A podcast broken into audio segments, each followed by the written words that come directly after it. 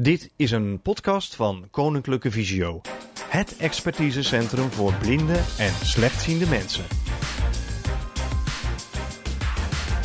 In deze bonuspodcast vertelt Sharita Ramcharan haar verhaal, haar ervaringen en tips als visueel beperkte ondernemer.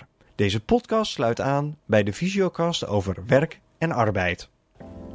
Ah, Petra, wat leuk dat je me gevraagd hebt om iets te vertellen over mijn ondernemerschap, over uh, mijn werk, wat ook tevens mijn hobby en uh, mijn passie is geworden.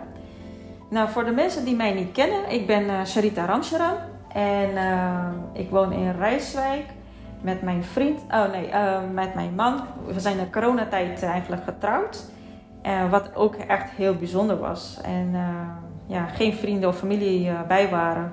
Het was ja, met z'n tweeën wel intiem. Um, ja, ik heb ooit een massagecursus bij uh, Petra gevolgd in Leiden. En dat was in 2011. En um, ik was toen de tijd ook nog uh, werkzaam als uh, WMO-consulent bij de gemeente Leidschendam Voorburg.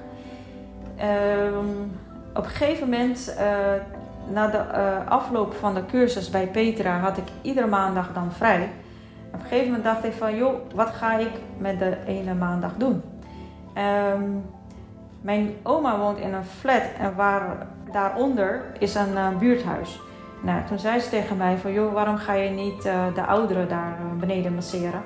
En ik dacht van, nou, misschien is dat wel een goed idee. Dat is ook wel nobel en zo doe je ook wat voor de, voor de samenleving. Ehm, en op een gegeven moment ben ik wel daar beneden bij mijn oma gestart in een buurthuis. En heb een kamertje gehuurd en dan ging ik iedere maandag masseren. Dat heb ik een paar maanden zo volgehouden. En op een gegeven moment uh, ja, ik kreeg wel positieve verhalen, mooie feedback en zo. En uh, ik dacht van nou, dit is toch niet helemaal wat ik wil. Ik wil wel verder mee. Misschien wil ik wel helemaal mijn werk van maken. En ik had altijd voor oog dat ik uh, een eigen onderneming wilde. Dus ik wilde vroeger al heel graag een outplacement bureau of een, een daklozencentrum. Dus het was altijd iets aan het knagen aan mij om eigen onderneming te starten. Nou, um, op een gegeven moment eh, ben ik uh, een uh, Ayurvedische opleiding gaan doen. En dat was een vierjarige HBO-opleiding. En dat heb ik twee maanden, nee, twee jaar volgehouden. En ja, het was heel veel theorie. En ja, ik wilde toch wel iets hebben wat ik in mijn praktijk kon toepassen. En eigenlijk uh, tijdens de opleiding zou je dan in het vierde jaar pas uh, naar India gaan om stage te lopen. Nou ja, dat was heel romantisch natuurlijk, heel leuk. Maar dat was pas dan na uh, 3,5 jaar. Dat vond ik best wel lang. En toen kreeg ik een cliënt bij mij uh, in de praktijk. En ze zei tegen mij van, joh, is misschien shiatsu wat voor jou?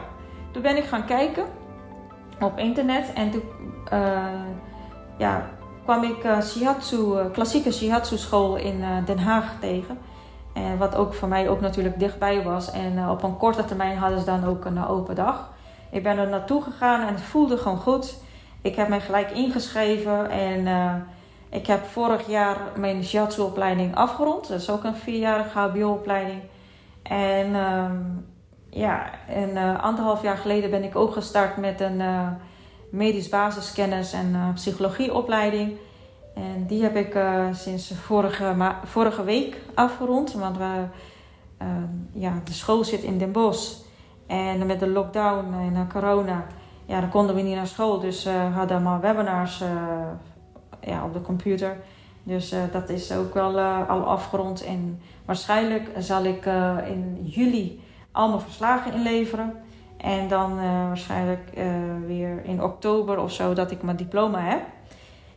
Um, ja, dan kan ik me aansluiten bij een beroepsvereniging, bij verschillende beroepsverenigingen.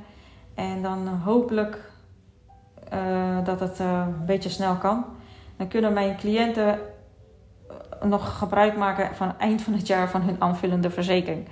En, want als je niet aanvullend verzekerd bent, dan kun je ook niet vergoed krijgen. Het valt namelijk onder de alternatieve geneeswijze.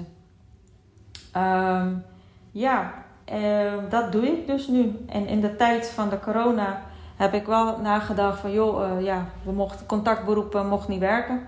Dus ik heb wel nagedacht van joh, wat nou als uh, de lockdown nog langer duurt Of misschien dat er straks misschien een tweede vorm van iets komt dat misschien niet meer kan werken met cliënten en dat op afstand moet. Nou, dan heb ik bedacht om eigenlijk in september of oktober te starten met een psychoregressietherapie. dat je dat ook op afstand kan geven aan cliënten. En misschien dat in de toekomst dat ga oppakken. Wat ik zelf wil meegeven aan, aan mijn lotgenoten, is misschien om te kijken van wat jouw hobby is en waar je mee je geld kan verdienen. Misschien iets te doen wat jou weinig moeite kost, ook in verband met je visuele handicap. Dat je dan dingen kan doen zonder dat je echt vermoeid van raakt. Want ik kan echt mijn werk kan ik van 8, ik begin ook echt 8 uur s ochtends en soms werk ik tot 10 uur s avonds door. Maar het is niet dat ik de hele dag door cliënten heb. Tussendoor heb ik wel tijd, dan doe ik mijn huishouding, koken of vrienden ontvangen of zo. Maar dat kost me echt geen moeite. Ik kan tot 12 uur s'nachts gewoon doorgaan zonder enige moeite. En eigenlijk moet je dus iets zien te vinden wat jou eigenlijk uh, dichter bij jezelf brengt. En dat kun je eigenlijk, denk ik, bereiken door ehm, in zo'n meditatieve toestand te raken, als je een keertje mediteert of zo. En weer jezelf af te, uh, na te gaan van hè, wat vond jij als kind zijnde belangrijk en wat vond jij leuk om te doen en wat je dacht van dit wil ik later worden.